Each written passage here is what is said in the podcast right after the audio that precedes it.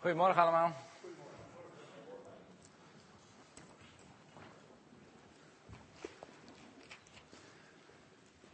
Als ik aan u vraag, uh, hoeveel mensen hier weten wat het jaarthema is? Hoeveel, hoeveel handen gaan er dan omhoog? Even kijken. Ik schat er zo'n 80% wat het jaarthema is. Het staat daar ook, hè? zichtbaar worden. Heel veel mensen weten dat. En het is leuk dat, dat zo'n jaarthema langzamerhand zo'n jaar steeds bekender wordt en dat steeds meer mensen weten wat het jaarthema inhoudt. Het is natuurlijk nog leuker, dacht ik, als dat jaarthema buiten de gemeente verder gaat. Als het in Drachten bekend wordt en als het in Nederland bekend wordt, misschien nog wel veel verder. En nu heb ik de indruk dat het ook een klein beetje zo is. Want ik volg het nieuws wel een beetje en u denkt ook wel een beetje. Dan weet je de indruk dat het zichtbaar worden wel heel erg thema is dit jaar. Uh, afgelopen jaar ook wel een beetje. Ik weet niet of u het een beetje volgt van Wikileaks. Het zijn allemaal heel veel dingen die onbekend zijn, die onzichtbaar zijn. En Wikileaks pakt het thema heel mooi op, zichtbaar worden. En allerlei geheime dingen uh, worden zichtbaar. Dus het thema slaat goed aan, of wij voelen de tijdgeest goed aan. En we hebben een mooi, mooi thema gekozen, maar het zit wel een beetje in de lucht, om het maar zo te zeggen. En dat Wikileaks, dat maakt allerlei, allerlei dingen bekend. Um, uh, bijvoorbeeld het, het, uh, het, het, leger van Amerika, wat in, in Irak is. Daar worden dingen over bekend. We denken van zo, nou, dat hadden we niet gedacht. Die Amerikanen, dat is netjes volk, die doet het allemaal netjes. Maar een klein deel natuurlijk. Die, die maakt het dan niet zo heel erg mooi. En zo zijn er vooraanstaande mensen in de wereld waarvan wij denken, zo, dat zijn grote regeringsleiders. En als je dan op Wikileaks kijkt, dan staan er ineens allemaal uitgelekte documenten over hoe die geweldige grote mensen, waar we allemaal vertrouwen in hebben, moeten hebben, dat het ineens blijkt ook nog allemaal gewone mensen zijn die fouten maken, die misschien ook wel hele lelijke dingen over andere, man, over andere mensen zeggen. Zichtbaar worden. Wikileaks. Niet iedereen is blij met zo'n thema natuurlijk. Niet iedereen zou het leuk vinden om heel zichtbaar te worden. Dat alles van jou zichtbaar wordt. En uh, nou, Wikileaks helpt ons daar een beetje bij om daar wel een beeld van te krijgen. Of het nou goed is of fout is van Wikileaks, daar ga ik geen verhaal over houden. Maar feit is wel dat dingen die verborgen zijn, zichtbaar worden. En daar wil ik vanochtend met u, met u over spreken. Want ik denk, er staan misschien ook wel een paar van die mooie Wikileaks verhalen in de Bijbel. Want Wikileaks is natuurlijk niet alleen van deze tijd, maar verhalen van mensen waar je heel veel vertrouwen in hebt. En als je dat eens goed doorleest, dan denk je zo, ik dacht dat dat hele geweldige mensen waren. Ik wil twee verhalen met u uit de Bijbel lezen. Het eerste verhaal staat in uh, 2 Samuel 11. En dat gaat over David. Nou, uh, heel vroeg uitgelekt, uh, Wikileaks verhaal om het maar zo te zeggen. David, een geweldige koning. Een man naar Gods hart. David, de herder, uh, die op zijn schapen past. En als er dan een wolf aankomt, of een, een beer, weet ik wat, dan pakt hij hem. Het is een geweldige grote vent. En als Goliath komt, dan gaat David er naartoe en die verslaat Goliath. Een man die een groot geloof heeft, die, die er helemaal voor gaat. Die nou, een man naar Gods hart is. Die een, een koning is als voorbeeld. Uh, de man waar je vertrouwen in hebt. Waar je denkt, nou dat is mijn voorbeeld, daar wil ik het mee doen. Uh, maar David, uh, die heeft ook zijn Wikileaks, om het maar zo te zeggen. David, op een gegeven moment breekt er oorlog uit in het voorjaar. En dat, ga, dat gaan we zo meteen lezen. En David die, die blijft thuis om een of andere, andere reden. En nou, dat is een beetje rustig, want al die mensen zijn aan het oorlog voeren. En wat doe je dan als je alleen thuis bent of weet ik wat? Dan ga je wat zeppen. Maar hij heeft geen, heeft geen tv natuurlijk, dus hij gaat op het dak zitten. En heeft hij TV Noord en TV West en Zuid en weet ik wat. Op een gegeven moment blijft hij ergens hangen. Want dan ziet hij daar een hele mooie blote vrouw. Nou, dat gaat over dit verhaal en wat er allemaal mis kan gaan. David en Bathseba. Ik lees met u een klein gedeelte daarvan. En we beginnen bij uh, 2 Samuel 11 vanaf vers 1. Bij het aanbreken van het voorjaar, de tijd waarin koningen gewoonlijk ten, ten strijde trekken, dus blijkbaar is dat in het voorjaar, stuurde David opnieuw een leger erop uit, onder leiding van Joab en zijn aanvoerders, om de Ammonieten te verslaan en Rabba te belegeren. Zelf bleef hij in Jeruzalem achter. Op een keer stond hij aan het eind van de middag op van zijn rustbed en liep wat heen en weer over het dak van het paleis. Beneden zag hij een vrouw die aan het baden was. Ze was heel mooi om te zien. Hij liet uitzoeken wie ze was en men zei tegen hem, dat is Bathseba, de dochter van Eliam, de vrouw van de Hethiet Uria. David liet haar bij zich komen en sliep met haar. De voorgeschreven periode van onthouding naar haar onreinheid was juist verstreken. Daarna ging ze terug naar huis. Enige tijd later merkte ze dat ze zwanger was. Ze liet dat aan David berichten. Waarop David aan Joab opdracht gaf om Uria naar hem toe te halen, sturen. Uria meldde zich op, bevel van Joab bij David, die hem vroeg hoe Joab en het leger het maakte en hoe het er met de oorlog voor stond. Vervolgens zei hij, ga naar huis en ontspan u wat. Toen Uria het paleis verliet, kreeg hij nog een geschenk van de koning mee. Maar Uria ging niet naar huis. Hij bleef slapen in het poortgebouw van het paleis bij de knechten van de Heer. Toen men David verteld had dat Uria niet naar huis was gegaan, zei hij tegen hem, u hebt toch een lange reis achter de rug. Waarom bent u niet naar huis gegaan? Uria antwoordde, de ark en het leger van Israël en Juda zijn ondergebracht in hutten. Op het bevelhebber, op het bevelhebber Joab en zijn manschappen bivakeren in het open veld. Zou ik dan naar huis gaan om te eten en te drinken en te slapen met mijn vrouw? Zo waar u leeft, dat doe ik niet. David zei tegen Uria, blijf voor vandaag nog hier, dan laat ik u morgen teruggaan. Uria bleef die dag dus nog in Jeruzalem. De dag erop nodigde David hem bij zich aan tafel en voerde hem dronken. Toen ging Uria s'avonds, toch ging Uria s'avonds niet naar huis, maar legde zich opnieuw te slapen bij de knechten van zijn heer. Nou, zo gaat het verhaal verder. Uria die gaat niet naar zijn uh, vrouw terug, niet naar uh, Bathseba terug. En David denkt, ik moet toch nog van die, uh, ja, ik moet het, dit, dit probleem toch oplossen. En dan lost hij het op een hele verschrikkelijke manier op. Dat Uria uiteindelijk ge, op, een, op een gevaarlijke plek komt in de strijd. En dat hij daar vermoord wordt. En dan komt uiteindelijk, Bathseba komt bij David in huis. Een verhaal wat je niet graag opgeschreven wil hebben. Zeker niet als je als koning te boek staat van een geweldige koning. Als voorbeeld voor, voor iedereen. Waar iedereen vertrouwen in heeft. En dan gebeurt dit. En dat wordt dan ook nog in de Bijbel opgeschreven. En dat wordt dan ook nog bekendgemaakt voor een heleboel mensen. En natuurlijk is dat voor ons wel een beetje een bekend verhaal. En dan dacht ik van, hoe zou dat nou in deze tijd zijn? Stel je voor, we gaan zo, zo meteen koffie drinken. En een van onze mannenbroeders heeft een bakje koffie. En die uh, maakt even een gezellig babbeltje. En maakt even een gezellig babbeltje met een mooie vrouw, die hier ook is. Allebei getrouwd, maar het is echt wel een beetje een klik. Het is wel heel, heel gezellig samen. Het is zo gezellig dat ze verliefd op elkaar worden. Ze maken nog een afspraak voor deze week, ergens stiekem, in een hotelletje, weet ik hoe je dat allemaal moet doen. En dan, ja, de vrouw wordt zwanger en uh, daar is het probleem geboren. Het is een tijd, een, een probleem van alle tijden. En dan hebben ze toch wel een groot probleem. Hoe moeten ze dit nou oplossen? Nou, die man het dit wordt een hele soap, maar ik zou het heel kort houden. Die man die, die, die probeert van zijn vrouw af te komen. Die zegt, nou, mijn huwelijk was toch al niet alles, dus niet gaat scheiden. Maar die man van die vrouw, ja, dat is een beetje lastiger. En op een hele gemene manier weet ze dat die man om het leven komt. En dan zijn ze met z'n tweeën nog over. Nou, dat hebben ze graag gewild. En dan zijn ze met z'n tweeën. Wij zijn voor elkaar geschapen. Wat mooi. Wij gaan samen verder door het leven. Nou, zie daar. En hoe doe je dat? Dan ga je trouwen. En zie daar, in deze gemeente, dat stelletje gaat naar het bestuur toe en zegt: Wilt u een zegen vragen over ons huwelijk?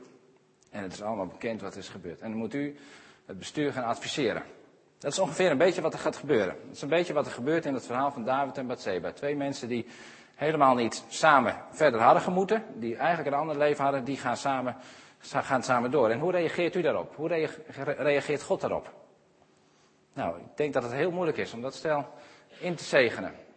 Maar wat als er nou heel veel spijt hebben, als we berouw hebben, als we om vergeving vragen, als we het helemaal fout gedaan hebben en dan met z'n tweeën toch nog samen verder willen. Wat moet je dan als bestuur zeggen? Wat moet je dan als gemeente daarvan vinden? Hoeft u geen antwoord op te geven. Maar wat zou God ervan vinden, van Bathseba en David? En je ziet dat David heel erg veel berouw heeft. Dat David die, die, die, die, die huilt en die vraagt om vergeving. En God straft ook. Als Nathan bij, bij, bij hem is geweest, die zoon die geboren wordt, die sterft al heel snel. Maar wat gaat God dan uiteindelijk doen? Met dit stel wat niet bij elkaar samen had moeten zijn.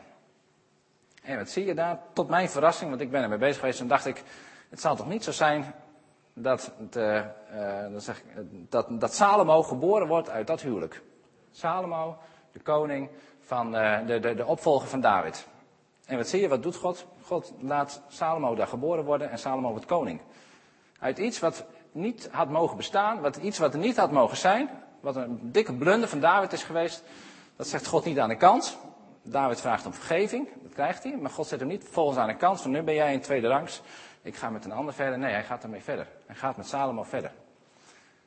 En ze dacht, het zal toch niet zo zijn dat Salomo ook een voorouder is van Jezus. En dan lees je in Matthäus 1. En inderdaad, Het staat in hetzelfde. Het is een voorvader van Jozef. Dus God gaat door. Ook al maakt David nog zo'n grote fout. En hij gaat door. En hij gaat door. We hadden het over Wikileaks. Je zou het vertrouwen kwijtraken bij mensen. Van die hooggeplaatste mensen. Nou, dit hooggeplaatste persoon, David. Je zou het vertrouwen kwijtraken, maar God niet. God gaat door. God gaat door. Nog een verhaal uit het Nieuwe Testament. Ook een bekend verhaal. Ik het met u hebben over, uh, over Petrus. Petrus is een, uh, een discipel van Jezus. Je kent Jezus al heel erg goed. Uh, maakt alle wonderen mee. Is, is een vertrouweling van Jezus. Als er hele spannende dingen gebeuren op een berg. Als Mozes en e-, Elia komen, mag Petrus daarbij zijn. Petrus is een, een, echt een goede vriend van Jezus. Een trouwe discipel. En uh, als, uh, als Jezus zegt van, zouden jullie ook niet weggaan? Dan is het Petrus volgens mij die zegt van, maar u bent de zoon van de levende God. Tot wie zouden we anders gaan? En als Jezus op een gegeven moment zegt, maar ik moet sterven. Dan zegt Petrus, never nooit. Ik zal voor u sterven. Ik zal u nooit verraden. Ik ga met u mee, als moet ik doodgaan. En dat gebeurt allemaal in hetzelfde hoofdstuk. In Matthäus 26. En dan wil ik een klein gedeelte met u lezen. Lezen Matthäus 26.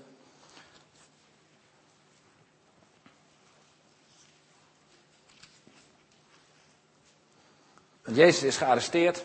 En we kennen het verhaal wel, maar laten we even een klein stukje daarvan lezen. Matthäus 26, vers 69. Petrus zat buiten op de binnenplaats. Hè. Jezus is gearresteerd en uh, Petrus die komt hem achterna. En er kwam een dienstmeisje naar hem toe. Dat zei, jij hoort ook bij die Jezus uit Galilea. Maar hij ontkende dat hem met klem. Zodat hij, zodat alleen, zodat allen het konden horen. Ik weet niet waar je het over hebt.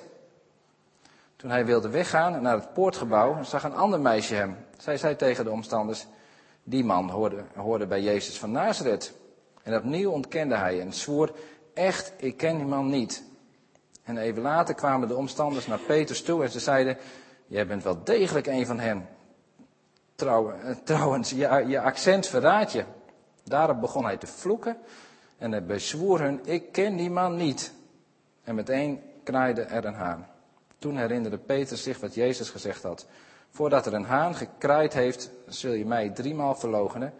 En ging naar buiten en huilde bitter. Nou, zo'n geweldige vriend van Jezus die alles met hem heeft meegemaakt, die zijn hele leven al op, opzij had gezet voor hem, die hem gewoon ging volgen, uh, zijn vissersbootje aan de kant had gezet, die hem zo goed kende, die verlogend Jezus en die vloekt er ook nog bij. Ik vond het onvoorstelbaar. En toen dacht ik, nou, hoe, hoe, hoe, zou dat in deze tijd weer kunnen zijn? Hoe zou dat in, in een gemeente nou kunnen gebeuren? Nou, stel je voor, we hebben een, een spreker, een gastspreker. En uh, uh, we hebben mooie liederen gezongen. Hij heeft mooi meegedaan met, met de aanbidding. Denk, dat is een fijne broeder. Geweldig. En dan komt hij zo het podium oplopen. En hij is net iets te gehaast, want dan moet een beetje gehaast het podium op, want dan doet het altijd wel goed. En dan struikelt hij over dat stomme snoer wat hier ligt. Maar hij heeft zijn microfoon al aanstaan. En hij zegt toch hele lelijke dingen. Ik zal het allemaal niet gaan herhalen. Dat is niet echt gebeurd. Hè? Maar stel dat het gebeurd is. En hij, hij, hij, hij moppert over die biemen mensen. Uh, hij moppert, hij scheldt ze ook nog de huid vol. En dan komt hij hier weer staan en dan doet hij zijn microfoontje aan. Of hij denkt dat hij dat aandoet. En dan gaat hij heel salvende woorden spreken. En heel geweldige tekst uh, aan u vertellen. Iemand die we hoog hebben, een geweldig iemand. En denkt, nou, dat, dat is, zo zou een christen moeten zijn. Uh, valt helemaal door de mand. Wat zou u doen? Zou u nog serieus naar zijn verhaal luisteren? Zou u denken, die moeten we weer hebben? Of die zou het bestuur in moeten hebben? Of denkt u, nou, dit is echt helemaal mis. Hier, uh, als hij al vloekt, hè. Oeh, zo. Dat is niet best. En wat zou u doen als hij erachter komt dat iedereen het gehoord heeft en dat hij om vergeving vraagt en dat hij dan zegt, nou, om vergeving bij u vraagt? Zou u dan weer terug mogen komen? Zou u dan ook in het bestuur mogen? Hoe, zou het gaan? Want wij hebben al heel snel een beeld van iemand die denkt van, oh, dat iemand valt onderuit. Ik ga u geen antwoord geven. Maar als we kijken naar hoe Jezus met Petrus verder gaat, dan zien we wel heel duidelijk hoe Jezus daarmee verder gaat. Petrus die heeft berouw. Jezus vraagt hem drie keer, heb je me werkelijk lief? En tot tranen toe zegt Petrus, ja, ik heb u werkelijk lief. Je, je, vrienden laat hij in de steek. De vriend van Jezus liet hem in de steek op het belangrijkste moment van zijn leven. Uh, en wat doet Jezus? Jezus zet hem niet aan de kant. Jij bent een leuk discipeltje, word jij maar, uh, weet ik wat, secretaris of penningmeester. Nou, dat is ook nog geen tweede. En dan word jij maar iets anders, maakt niet zoveel uit wat. Maar jij mag niet een belangrijke discipel van mij blijven. Nee, op deze Petra zal ik mijn gemeente bouwen. En Jezus gaat ermee door. Er is vergeving, er is, er is berouw en Jezus gaat door. En zet hem niet op de tweede rang, hij zet hem niet op de tweede plek.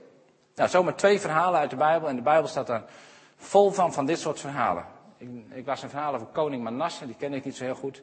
Maar die zette allemaal afgoden in de tempel, die offerde zijn eigen kinderen. Uh, en hij krijgt aan het eind van zijn leven toch echt berouw. En God vergeeft hem en gaat met hem verder. Uh, Saulus. Saulus die achtervolgt de christenen, stopt ze in de gevangenis, doodt ze ook. Uh, maar komt tot geloof, krijgt berouw. En wat doet God? Hij gaat met hem verder. Gaat steeds weer met hem verder. Het thema voor ons zichtbaar worden. Als, als die zichtbaarheid in ons leven komt, in het leven van mensen, dan wordt alles ook zichtbaar. Ik hoorde van de Cifra, dat is niet waar, maar ik hoorde van de, van de redactie van de Cifra dat ze goede contact hebben met die Wikileaks. En vanwege het thema zichtbaar worden hebben ze bedacht dat ze uh, elke maand een van ons wil gaan volgen. Met verborgen camera's, met microfoontjes en met e-mailverkeer scannen en zo. En daar wordt dan een klein verslag, of een uitvoerig verslag gemaakt van in de Cifra. Over hoe heilig leven u hebt en hoe geweldig christen u bent. Maar dan moest ik vragen, uh, wie van u als eerste wil? Haha, het als eerste. Nou, dat is geweldig. Dan heb je wel lef nodig. Ja, ja. Want heel veel van ons, ah, dan redeneer ik van mezelf en denk, oeh, ze moeten niet alles van me weten.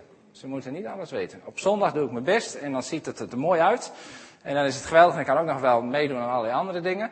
Uh, maar als ze alles weten, zichtbaar worden, ik weet niet of ik wel heel erg blij ben met dat thema. Of dat echt wat tot zover doorgevoerd moet worden. En dan mag ik weten dat er gelukkig vergeving is. Daar waar ik de mist in ga, daar waar het fout gaat, daar vergeeft God. Dankzij Jezus Christus wordt dat vergeven. Dan wordt het aan de kant gezet. En dan wil God met ons verder. Dan denk ik, ja, God kan vergeven. En dan met het thema wat we deze maand hebben is van waarom zou ik? Dus dacht ik, misschien moet ik dat even anders uitleggen. Waarom zou ik met een hoofdletter? Waarom zou God mij nou willen vergeven?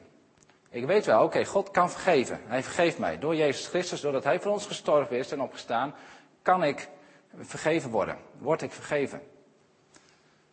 Maar misschien heeft God wel eens gedacht, waarom zou ik eigenlijk? Waarom zou ik nou eigenlijk die mensen vergeven? Waarom, dacht Jezus misschien, waarom zou ik nou Peters vergeven? Hij heeft het echt me wel mooi, mooi laten zitten. En David, die zo stom was om zulke fouten te maken. Waarom zou ik? Waarom zou God? Waarom zou hij dat doen?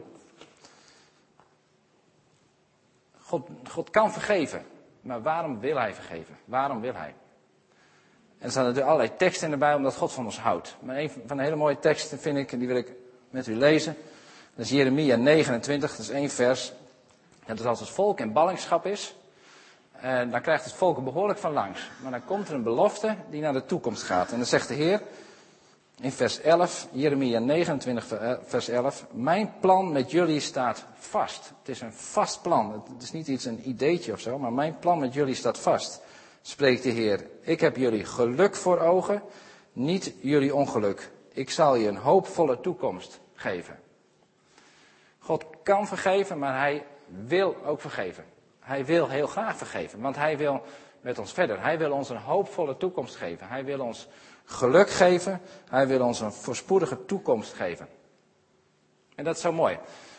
Um, en ik weet niet of het theologisch is. Er zijn theologen in de zaal, ze mogen mij uh, uh, vertellen of dat klopt of niet. Maar het voordeel is dat u dan zelf even moet nadenken of dat wel kan of niet. Uh, je moet hoofdzaken en bijzaken van elkaar scheiden.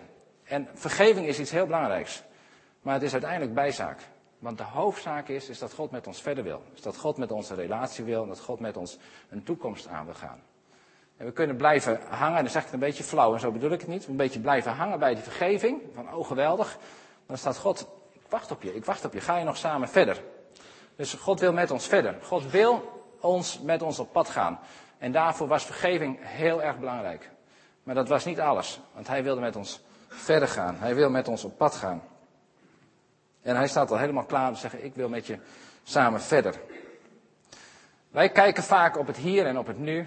En misschien als we christen zijn, dan weten we ongelooflijk goed wat we allemaal fout gedaan hebben. Uh, dat weten we voor onszelf en we hopen dat anderen dat niet allemaal komen te weten. We zien de problemen, we zien uh, moeilijkheden in ons leven.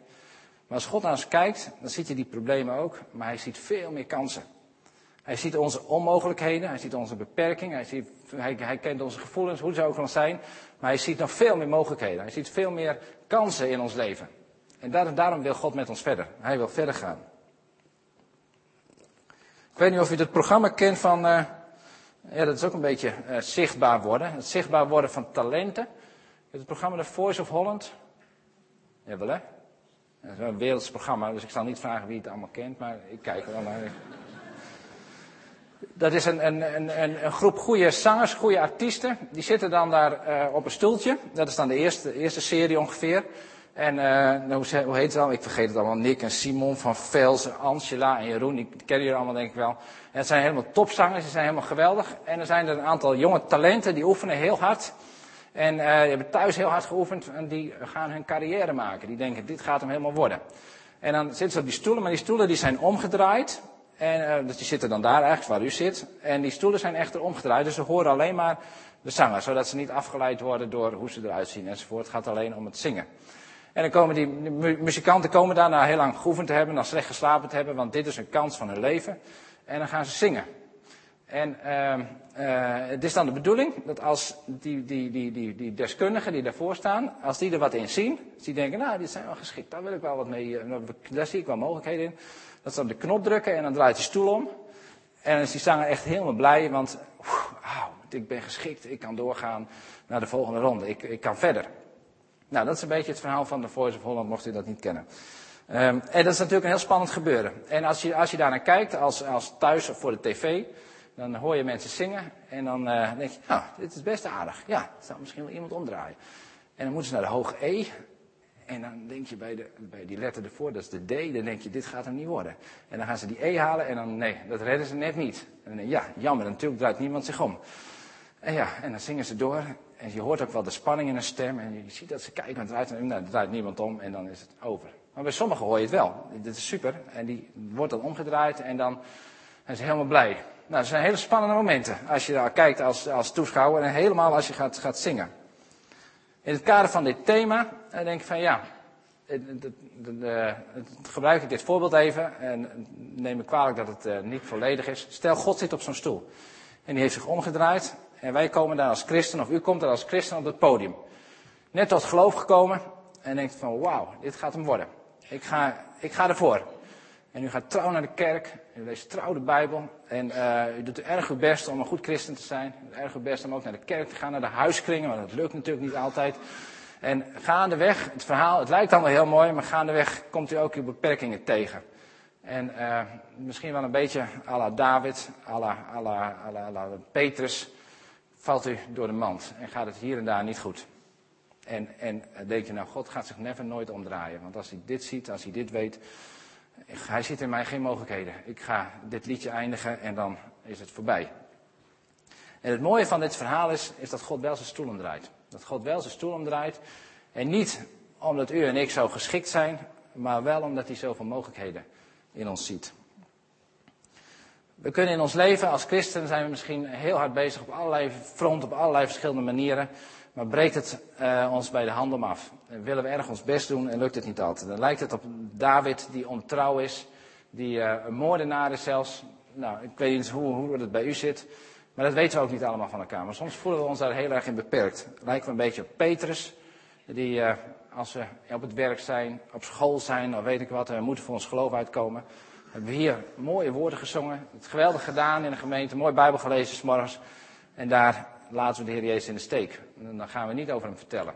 Dan houden we onze mond.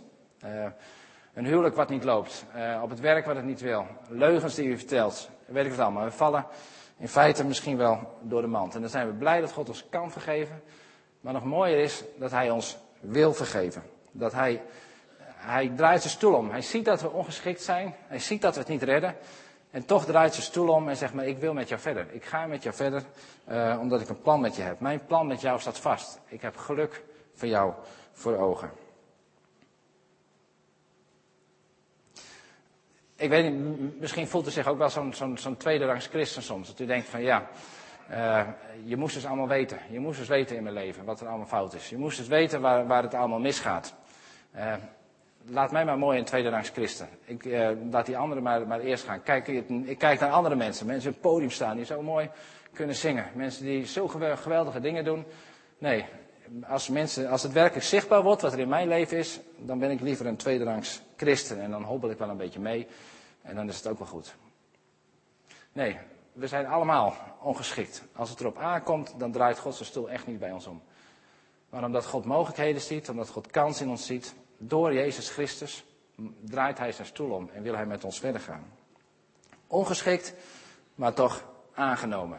Kent u dat verhaal nog van die, van die, van die reclame van, uh, van militaire dienst? Ik heb nog eens even teruggekeken. En dan staat er zo'n zo'n man die staat onder de douche. En die uh, zit heerlijk te douchen. En die kinderen die denken, even kijken of pa geschikt is voor militaire dienst. Voor uh, het leger. En doen ze beneden de warme kraan open. En, en naar boven wordt het heel erg koud. Maar hij houdt zich in en hij gaat nog zijn. Hij is geschikt. Nou, zo is er ook een, uh, een reclamespotje dat hij het niet gaat halen en dat hij ongeschikt is. Nou, als God ons op die manier gaat selecteren, dan zijn we ongeschikt. Uh, maar hij neemt ons wel aan.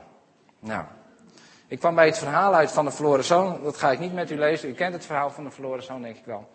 Die krijgt uh, de erfenis, die gaat op pad, komt bij de hoeren terecht, gaat helemaal fout. En uiteindelijk komt hij bij de varkens uit. En het gaat niet goed daar bij die varkens, met hem niet in ieder geval. En hij denkt, ik kan beter naar huis gaan. ik heb het beter bij, bij het bedrijf met mijn vader dan dat ik hier blijf. En hij zegt, bij zichzelf, ik, ik, ga tegen mijn vader zeggen, ik ben het niet meer waard om uw zoon te zijn, laat mij maar gewoon uw, uw, uw knecht zijn. En zo gaat hij op weg naar, naar, naar, huis. En in de verte staat, die vader staat al, al voor hem. En dan gaat hij het ook zeggen, ik ben het niet meer waard. Laat mij maar een tweede rang zijn. Laat mij maar een werknemer zijn. Dan kan ik nog wat voor uw geld verdienen. En misschien als ik goed mijn best doe, dan uh, kan ik nog een deel van die erfenis terugbetalen. Maar laat mij maar de tweede rang zijn in uw huis. Daar ben ik dik tevreden mee. Ik, ik heb het verknald voor u en het is over en uit. Maar we weten allemaal hoe die vader daarop reageert. En, en in mijn vertaling, wat ik bijgeschreven heb, is van dat die vader reageert van: Ik ben je werkgever niet, ik ben je vader. En dan denk ik, ja, dat vond ik zo mooi. Ik ben je werkgever niet, ik ben je vader. Een werkgever die heeft werknemers. En als je werknemers hebt, die werken hard voor je.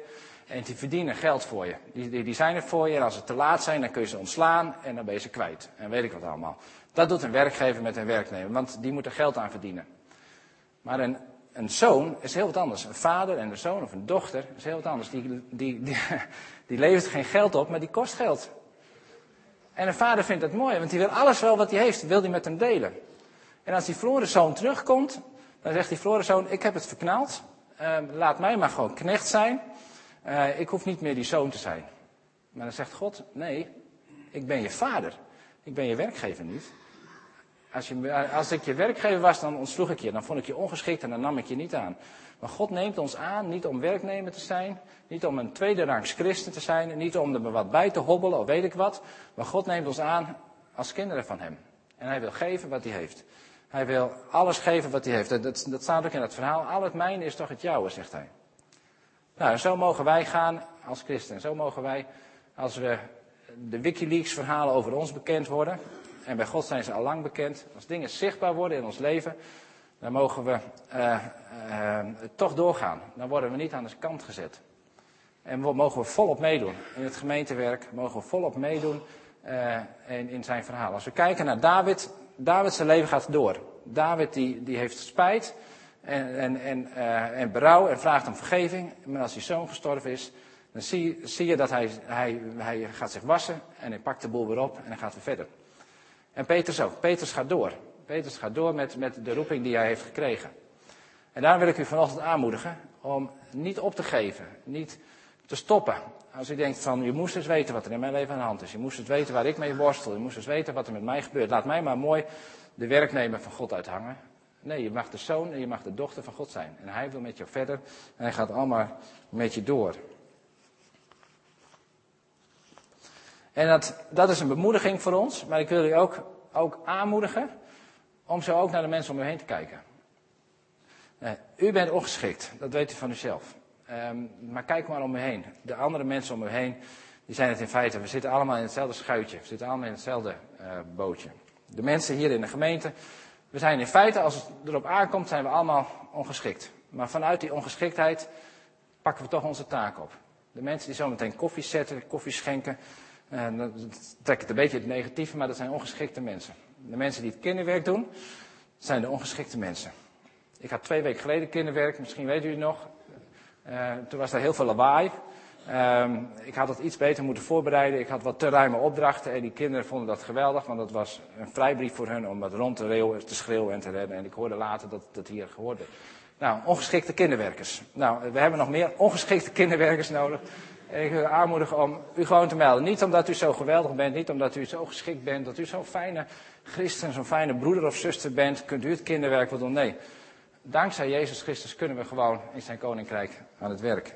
De mensen die muziek spelen, zijn ongeschikte christenen, om het maar zo te zeggen. De mensen die hier spreken, zijn ongeschikt. Maar God maakt ons geschikt door Jezus Christus en mogen we langzamerhand verder komen en mogen we groeien in, uh, nou, in het plan wat God voor ons heeft.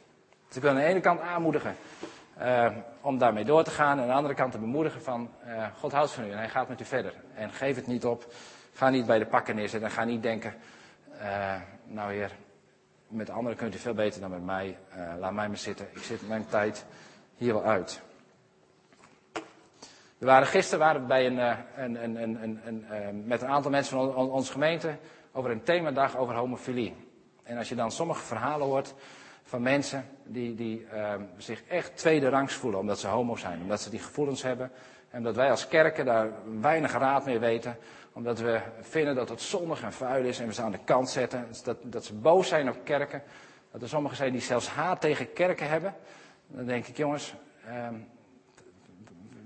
is de een beter dan de ander? Laten we een gemeente zijn waarin ruimte is voor iedereen. Waar ruimte is voor de liefde van God. En waar we ons niet afzetten tegen andere mensen omdat we beter zijn of omdat we anders zijn of wat ook, maar dat er ruimte is voor iedereen. En ik wil u aanmoedigen om in elk opzicht mensen ruimte te geven om uh, die liefde uh, door te geven. En elkaar een plek te geven en een plek te gunnen daar waar we uh, God steeds beter leren kennen. Zullen we met elkaar gaan bidden?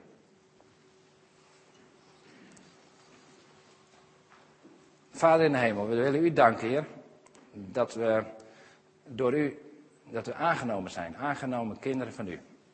En dat niet omdat we uh, zulke fijne liederen zingen met elkaar, omdat we uh, mooi kunnen babbelen, mooi kunnen zingen, of we heel hard voor u werken, maar dat u ons aanneemt op grond van uw Zoon Jezus Christus. En dat er geen onderscheid is. Heer, en daar waar we misses maken, daar waar we, uh, ja, daar waar het goed fout gaat, daar geeft u niet op, daar zet u ons niet aan de kant. En bent u zwaar teleurgesteld van, nou ja, ik had het anders verwacht, maar daar gaat u met ons verder.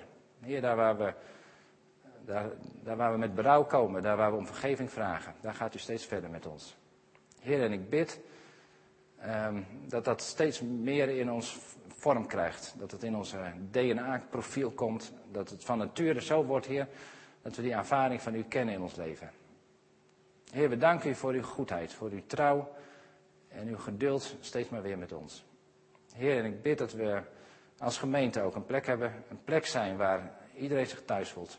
Dat we een open thuis zijn, waar mensen uh, graag naartoe komen, Heer, omdat ze aanvaard zijn, omdat u ons aanvaardt. Heer, zo bidden we een, uh, een, zegen over de, de, komende week, als we midden in het leven staan en dingen op ons afkomen wat, wat het zwaar maakt, wilt u ons kracht geven, Heer, om steeds aan u vast te houden en uh, een getuige te zijn van u. Heer, dat bid ik zo in Jezus' naam. Amen.